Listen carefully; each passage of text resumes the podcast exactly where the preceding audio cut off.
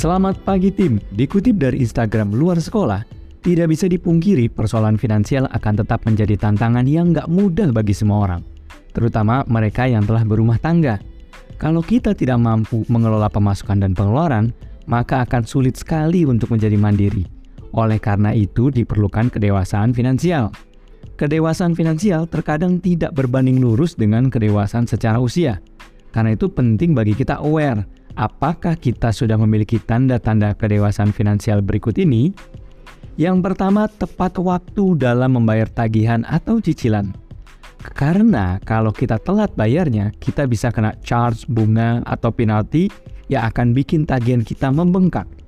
Yang kedua, nongkrong dan belanja berlebihan sudah nggak menarik lagi buat kamu. Artinya kamu sudah tahu yang mana kebutuhan atau need dan yang mana kemauan atau want nongkrong dan berburu diskon itu hanyalah sebuah kemauan, bukan kebutuhan. Yang ketiga, memiliki rekening yang berbeda untuk setiap pos keuangan. Pemisahan rekening bertujuan agar kita bisa monitor mana yang untuk pengeluaran, tabungan, investasi, dan lain-lain. Yang keempat, membeli sesuatu lebih karena fungsi, bukan gengsi. Ingat, barang berfungsi tidak harus mahal. Barang bergengsi sudah pasti mahal sedangkan fungsinya belum tentu sesuai kebutuhan kita. Yang kelima, memiliki asuransi kesehatan atau jiwa. Yang paling penting dari aset atau harta adalah orang yang menghasilkannya. Tidak memiliki asuransi bisa menyebabkan kerugian finansial bagi kita dan keluarga kita di kemudian hari. Yang keenam, tidak menunda untuk berinvestasi.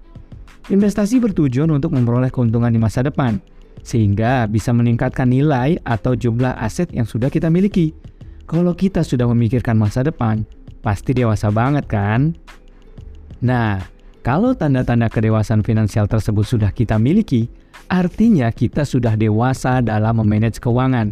Congrats ya guys, yeay! Tapi bagi kamu yang belum memiliki tanda-tanda itu, yuk sekarang waktunya berubah agar tidak ada masalah di kemudian hari. Tolong save and share podcast ini ya. Thank you, selamat pagi.